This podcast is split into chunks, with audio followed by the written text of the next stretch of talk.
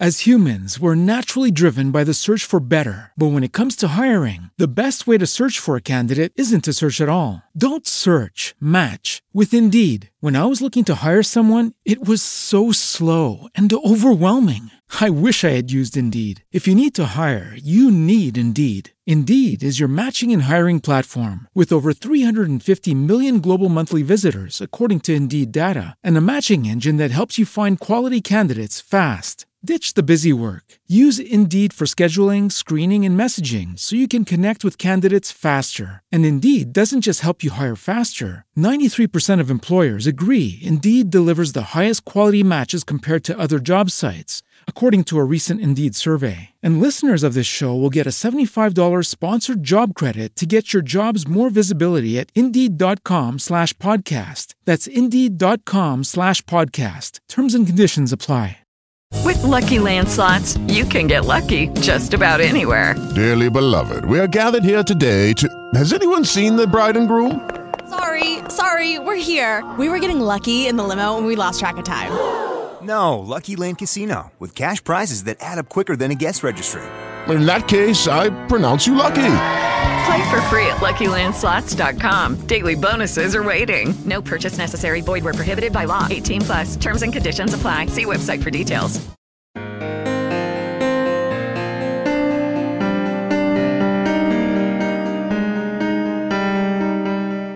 बाटो हो यो सत्यको जीवनको प्रेमको पिता पुत्र र पवित्र आत्माको सुसमाचार हो यो ख्रिस्टको आओ सुनाऊ गाउँ सहर तराई पहाड नेपाल अनि विश्वभर यात्रा हो यो क्रुसको। जयमसी साथै हार्दिक स्वागत छ श्रोता क्रसवे रेडियो मिनिस्ट्रिजको कार्यक्रम क्रुसको यात्रामा।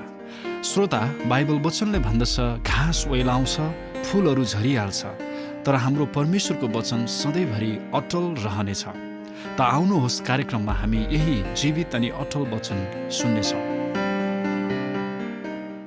आजको वचनको खण्ड एफिसी पाँच अध्यायको बाइस पददेखि छ अध्यायको चार पदसम्म।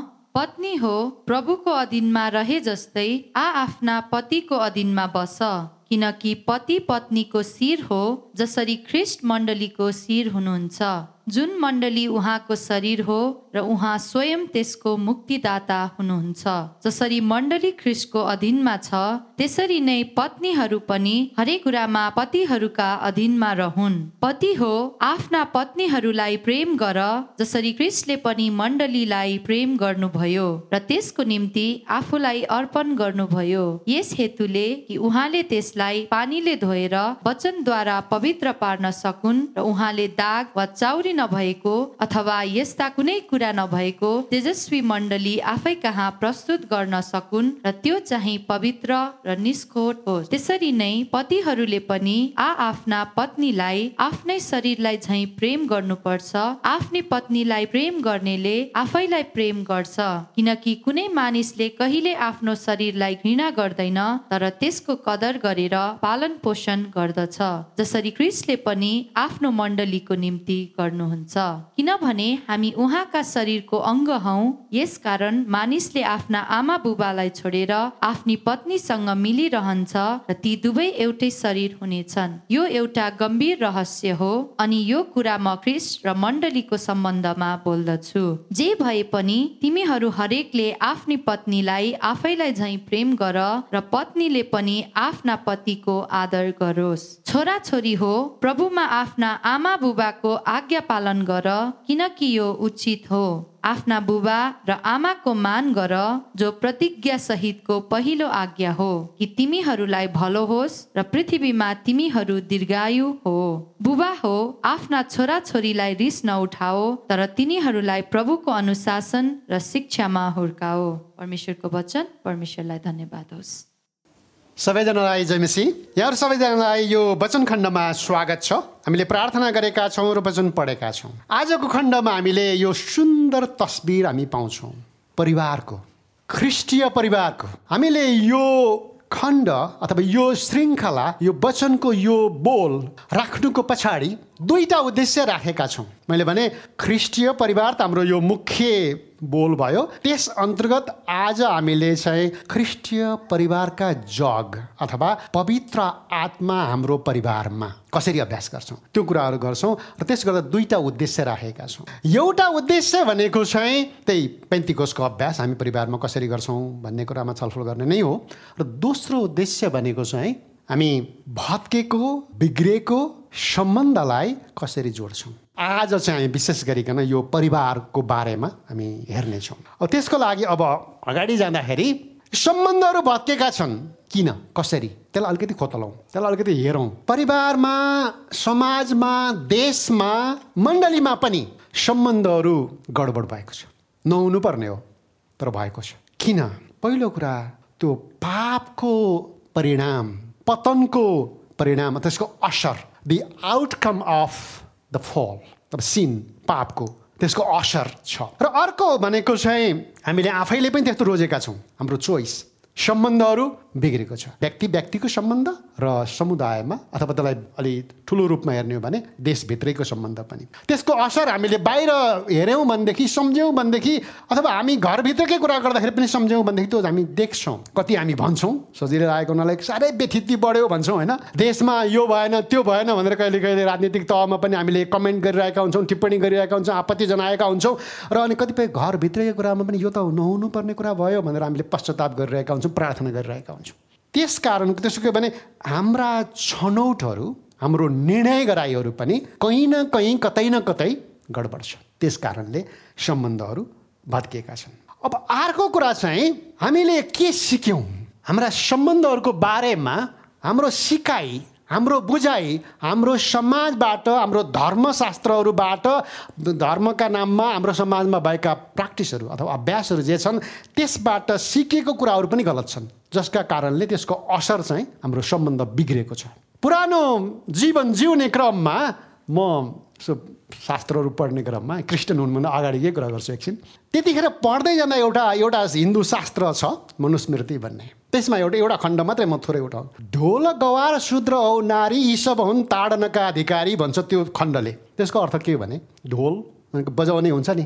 अब यहाँ अहिलेको भाषामा भने यही भनौँ। यो? गवार भनेको कम बुझेको मान्छे अथवा गाई पालेर जीवन निर्वाह गर्ने मान्छे। शूद्र भनेर जुन अहिले अहिलेको समुदायमा दलित भनेर जुन हेपिएको छ थिचिएको छ अन्यायमा पारिएको छ तिनीहरू र नारी भनेको महिला। स्त्री। यी सबैलाई चाहिँ पिटेरै ठिक लगाउनुपर्छ भनेको छ त्यसले। भनेको हाम्रा बुझाइहरू हाम्रा चिजहरू चाहिँ हाम्रो कस्तो खालको धर्मशास्त्रबाटै मनको चिज कुरा मात्रै होइन शास्त्रहरूबाट नै अरू पनि छन् थुप्रै कुराहरू। तर मैले खालि यहाँहरूको बिचमा एउटा उदाहरण मात्रै राखेँ कि हाम्रा समाजमा हाम्रो सम्बन्धहरू खलबलिनको पछाडि त्यस्ता कुराहरूले पनि असर गरेको छ। र आज पनि समाजमा हेर्नुभयो भने महिलाको स्थान कहाँ छ? दलितहरूको स्थान कहाँ छ? खेती किसानी गर्ने बाख्रा गाई बस्तु पशुपालन गर्नेहरूको अवस्था कहाँ छ? अलिकति कम बुझेका मानिसहरू धेरै पढ्न नपाएका मानिसहरूको अवस्था के छ?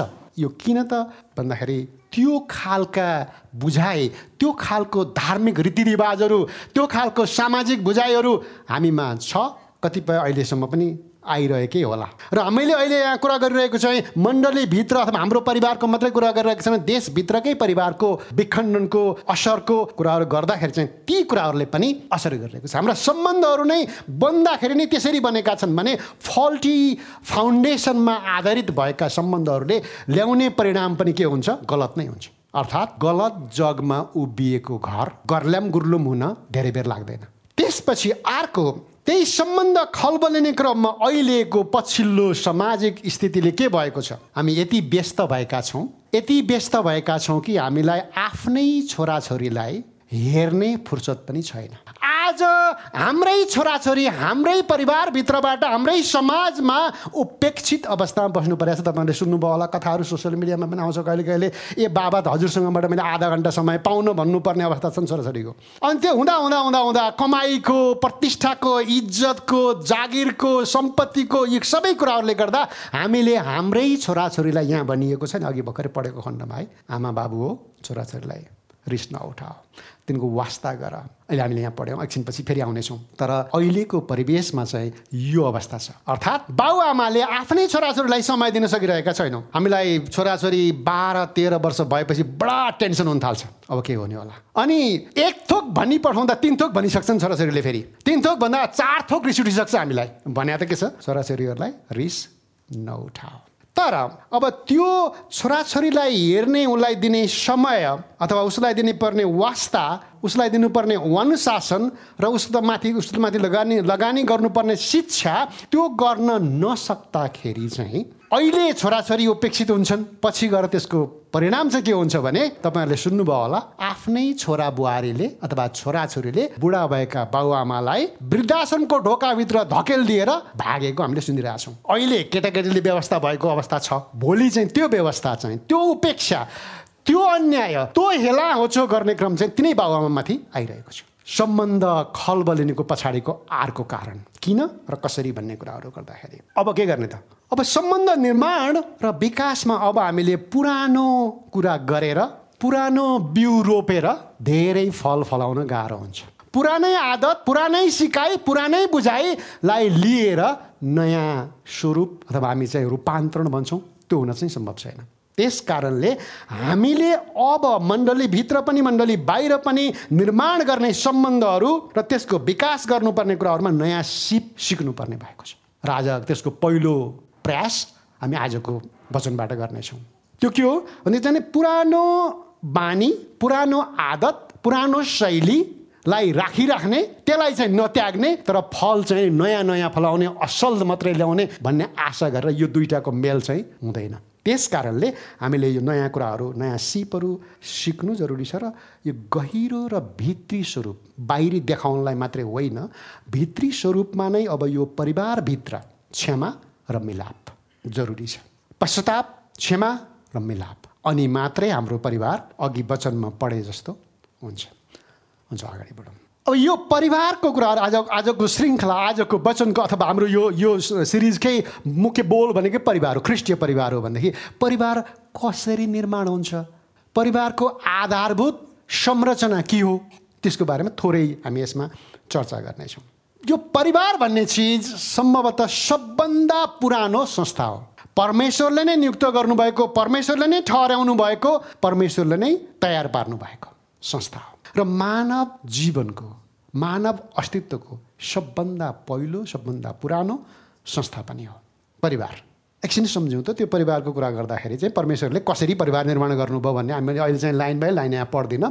जब सृष्टिमा गर्नुपर्ने बनाउनु पर्ने कुरा बनाइसकिए आदम छ अनि अरू सारा प्राणीहरू छन्। समुद्रका प्राणीहरू जमिनका आकाशका पक्षीहरू सबै छन्।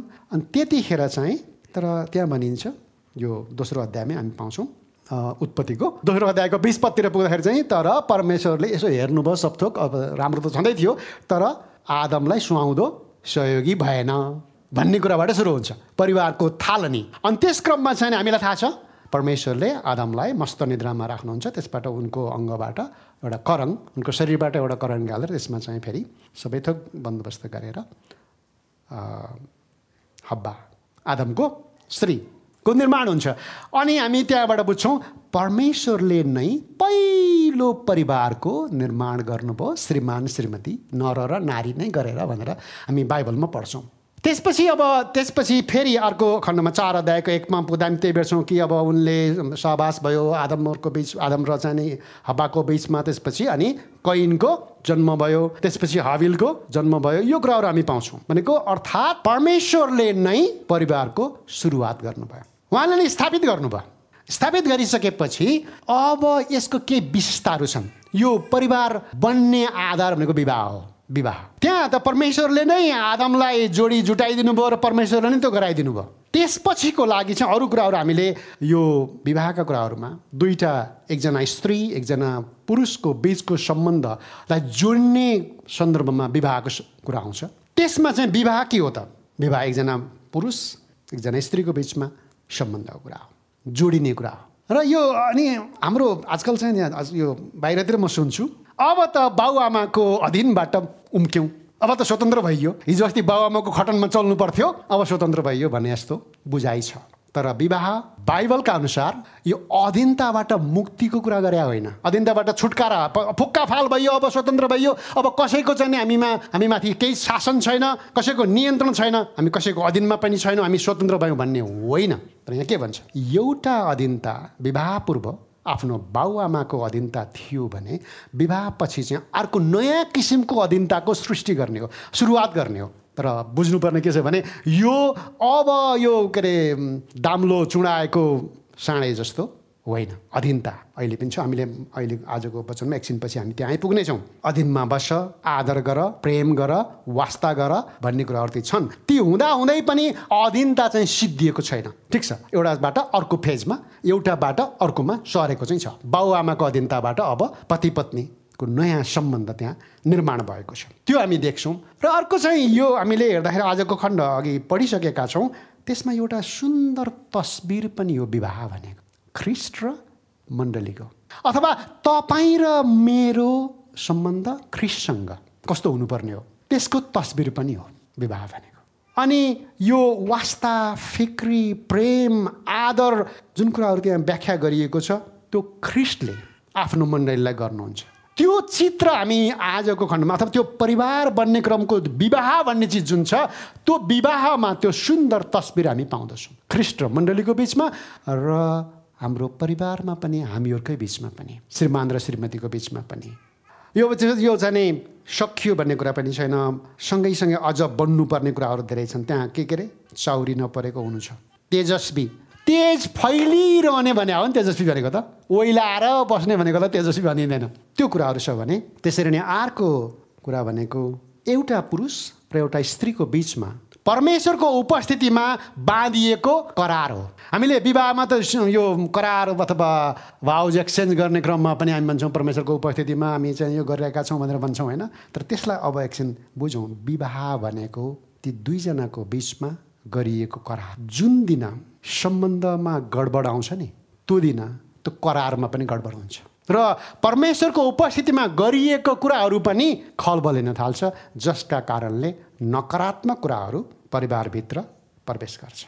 हामी यो त्यहाँनिर हामी भेट्छौँ वचन खण्डमा पनि हेर्दाखेरि चाहिँ त्यसपछि अब हामी यो विवाहको बारेमा विवाह विवाहद्वारा परिवार अनि परिवार भन्ने बित्तिकै बाउआमा छोराछोरी अनि त्यो बिस्तारै हुँदै जाने हो नि त। परिवार परिवार मतलब समाज अनि समाज समाज भएर देश हुँदै जाने कुरा हो।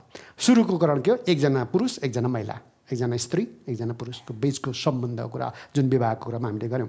त्यसपछि जब परमेश्वरले त्यो पनि गरिसक्नु भयो त्यो गरिसकेपछि अब छोराछोरीको कुराहरू जोड्दाखेरि केसँग जोडिन आउँछ भने उत्पत्तिको पहिलो अध्यायको अठाइस पदमा गइसकेपछि त्यहाँ मानिसलाई एउटा आशिष पनि छ आदेश पनि छ। त्यो के हो भनेदेखि चाहिँ फल्दै फुल्दै वृद्धि हुँदै अनि सारा अरू सृष्टि गरिएका जे जति छन् तिनीमाथि बसमा राख्दै पृथ्वी भरिँदै जानु भनिएको छ होइन?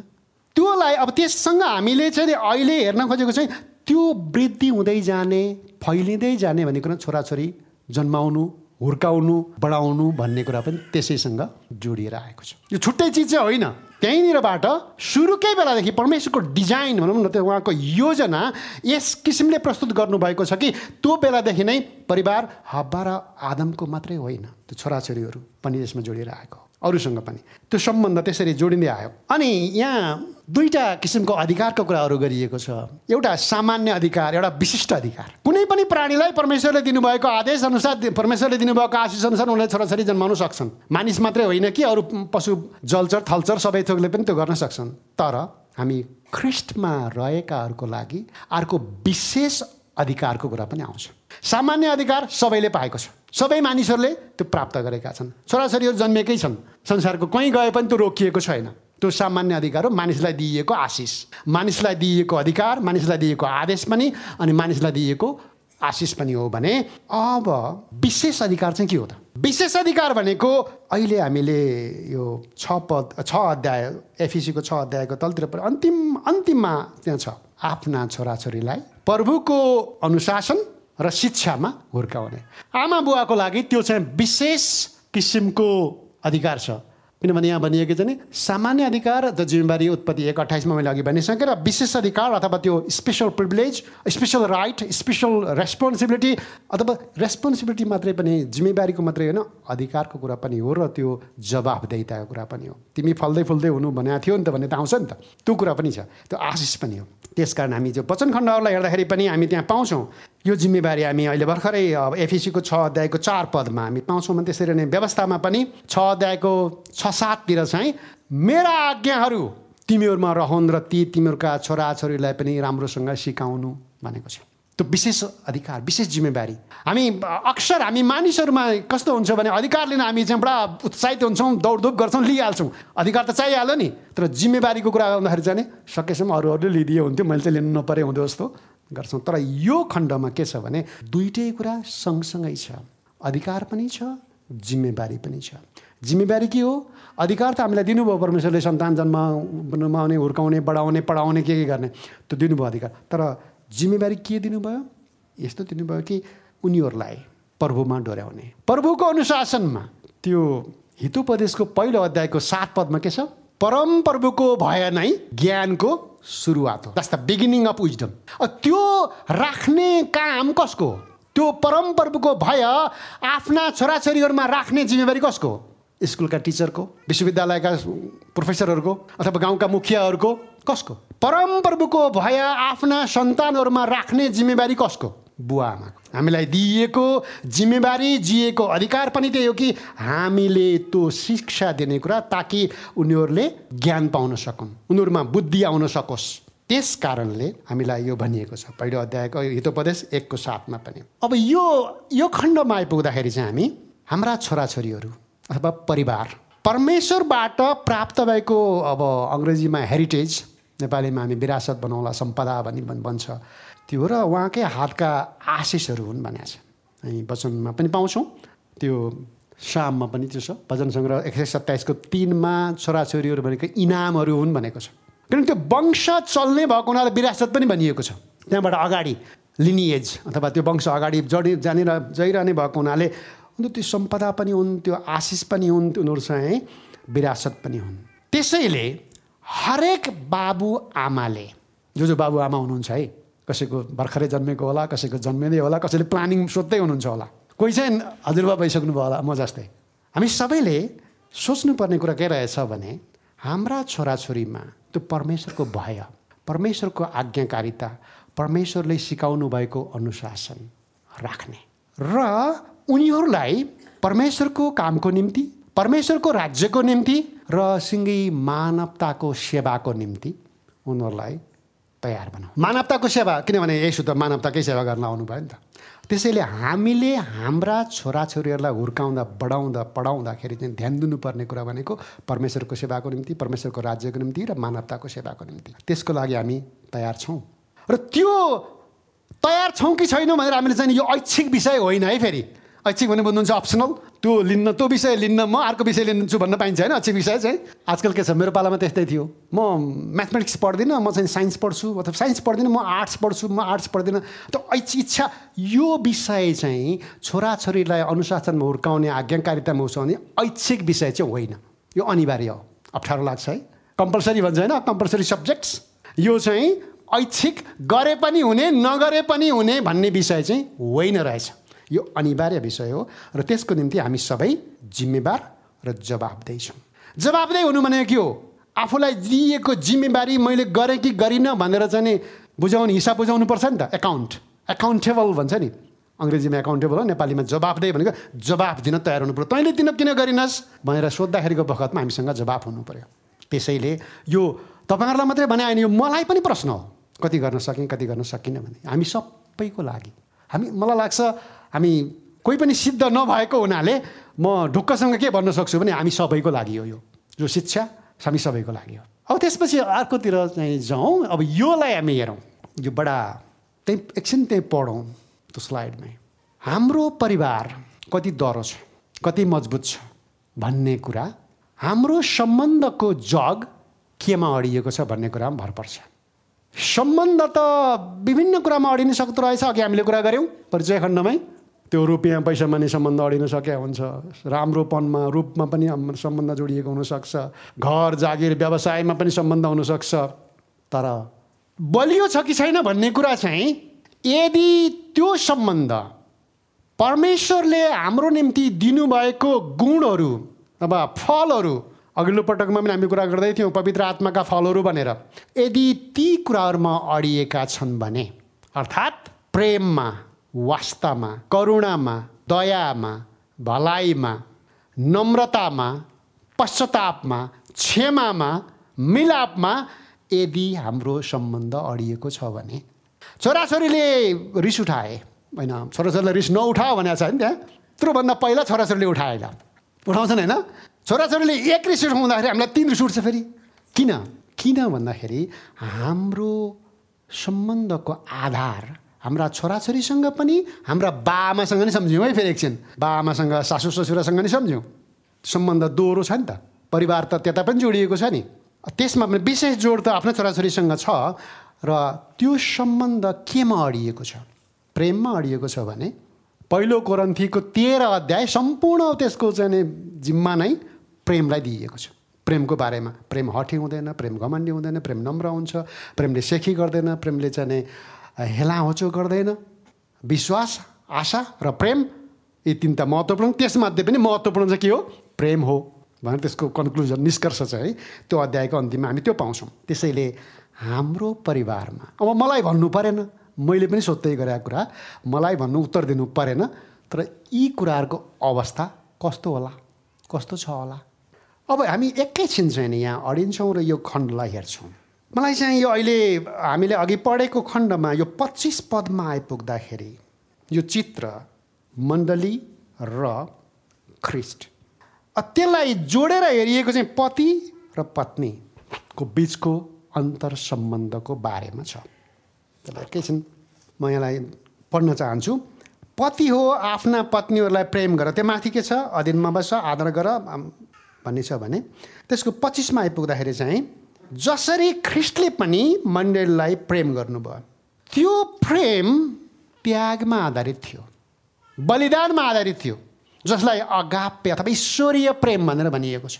अनि हामीलाई दिएको यो खण्डबाट हामीलाई दिएको शिक्षा पनि के हो भने तिमीहरूको प्रेम पनि तिमीहरूका पत्नीप्रति त्यही खास किसिमको जुन किसिमको प्रेम ख्रिस्टले आफ्नो मण्डलीलाई यस हेतुले उहाँले प्रेम गर्नुको पछाडिको मुख्य चाहिँ उद्देश्य भनेको यस हेतुले कि उहाँले त्यसलाई पानीले धोएर वचनद्वारा पवित्र पार्न सक्नुभएको होस् र उहाँले दाग वा चाउरी नभएको अथवा यस्ता कुनै कुरा नभएको तेजस्वी मण्डली आफै कहाँ प्रस्तुत गर्न सक्नु भएको होस् र त्यो चाहिँ पवित्र र निष्कुट होस्।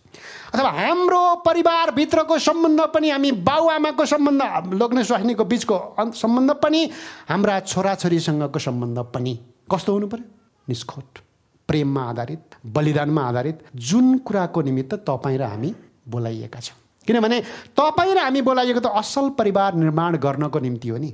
फल्दै फुल्दै वृद्धि हुँदै जानु भनेको छ। त्यो हुनको निम्ति यहाँ त्यो चित्र हामी पाउँछौँ। त्यसरी नै अझ विशेष चाहिँ नि यो यसो हेर्दै जाँदाखेरि चाहिँ नि पतिहरूलाई अझ बढी भनिएको पाउँछौँ हामी। आफ्ना पत्नीलाई आफ्नै शरीरलाई झैँ प्रेम गर्नुपर्छ जसले आफ्नै पत्नीलाई प्रेम गरेर आफैलाई प्रेम गर्छ किनकि कुनै मान्छेले कहिले आफ्नो शरीरलाई घृणा गर्दैन तर त्यसको कदर गरेर पालन पोषण गर्छ। जसरी ख्रिस्टले पनि आफ्नो मण्डलीको निम्ति गर्नुहुन्छ। किनभने हामी उहाँका शरीरका अङ्ग हौँ परिवार भनेको पनि उहाँको शरीरको अङ्ग हो। ख्रिस्टीय परिवार ख्रिस्टले जोड्नु भएको मानिसहरूको समूह ख्रिस्टमा बनिएको परिवार। त्यसको निमित्त हामीलाई दिनुभएको छ त्यो जिम्मेवारी पनि छ। त्यस कारणले एकअर्कालाई प्रेम गर्ने कुरा। यहाँ त के भन्यो आमा बुवालाई छोड्छ र आफूमा मिलेर बस्छ। दुईजनाको कुरा भयो भने त्यसपछि छोराछोरीको पनि जोडिएर आउँछ। जन जुन बेलासम्म यो कुराहरू चाहिँ हाम्रा सम्बन्धहरू यी फलहरूमा आधारित छैनन्। त्यति नै बेला हो परिवार भत्किने। हामी सबैको अपेक्षा कस्तो हुन थाल्यो भने अब बाहिर त झन् अझ एकदमै प्रष्ट देख्नुहुन्छ तपाईँ संसारमा गएर हेर्नुभयो भनेदेखि त कि मैले पाउनुपर्ने सेवा चाहिँ पाऊँ। मैले गर्नुपर्ने सेवा चाहिँ नगरे पनि हुन्थ्यो। यो खालको बुझाइमा यो खालको सिद्धान्तमा यो खालको सामाजिक संरचनामा रहेको हुनाले हाम्रो मैले अघि सुरुमा भनेको जुन भत्किने कुरा गरेका थिएँ नि अहिलेको समाज अहिलेको परिवार भत्किएको छ। त्यस कारणले जुन त्यस कारणले यो गुणहरू यो चरित्रहरू जुन परमेश्वरले हामीलाई दिनुभएको छ अथवा यो पवित्र आत्माका फलहरू पनि हुन् तिनीहरू ती फलहरूको अभावमा परिवार भत्किन्छ परिवार बिग्रिन्छ। त्यस कारणले हामीभित्र यो पेन्टिकसको अभ्यास अथवा पवित्र आत्माको अभ्यास भनेको परिवारभित्र पनि त्यति नै जरुरी छ। हुन्छ हामी अन्तिमतिर आइपुगेका छौँ। यो कुरा चाहिँ ख्रिस्टलाई पछ्याउनु अथवा पेन्टिकसको अभ्यास गर्नु अथवा पवित्र आत्मालाई धारण गरेर जिउनु भनेको ऐच्छिक कुरा गरे पनि हुने नगरे पनि हुने कहिले कहिले गरे हुने संयोगको कुरा यो चान्स भन्छ नि चान्स। होइन यो त निरन्तरको अभ्यास हो। त्यो निरन्तरको अभ्यास चाहिँ परिवारभित्र पनि त्यत्तिकै जरुरी छ। त्यो अभ्यास गर्नु परिवारभित्र पनि त्यति नै जरुरी छ। र यो ऐच्छिक पनि होइन अलिअलि गरे नि हुने होइन यो यहाँ बस्दा काठमाडौँमा मण्डलीभित्र बस्दाखेरि गर्ने मात्रै पनि होइन। विदेश जाँदा स्वदेश जाँदा अघि चाहिँ के त्यो व्यवस्थाको पुस्तकमा लेखिएको कुरा चाहिँ सुत्दा उड्दा हिँड्दा हरेक अवस्थामा यो आज्ञाहरू तिनीहरूसँग रहोस्। विदेशतिर जाँदाखेरि तालिममा जाँदाखेरि मात्रै अथवा चाहिँ सहर बजारका ठुला मण्डलीमा आउँदाखेरि मात्रै अथवा चाहिँ यो कार्यक्रमहरू सम्मेलनहरूमा मात्रै होइन। हाम्रो परिवारभित्र पनि अभ्यास गर्नुपर्ने। यो अभ्यास गर्नलाई हामी सबैलाई परमेश्वरको अनुग्रह मिलेको होस्। हस् धन्यवाद। जय मिसिंह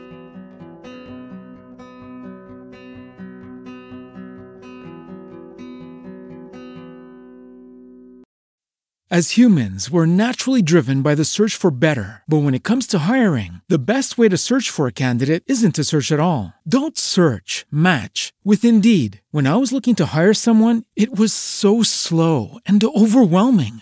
I wish I had used Indeed. If you need to hire, you need Indeed. Indeed is your matching and hiring platform with over 350 million global monthly visitors, according to Indeed data, and a matching engine that helps you find quality candidates fast. Ditch the busy work. Use Indeed for scheduling, screening, and messaging so you can connect with candidates faster. And Indeed doesn't just help you hire faster. 93% of employers agree Indeed delivers the highest quality matches compared to other job sites, according to a recent Indeed survey. And listeners of this show will get a $75 sponsored job credit to get your jobs more visibility at Indeed.com slash podcast. That's Indeed.com slash podcast. Terms and conditions apply.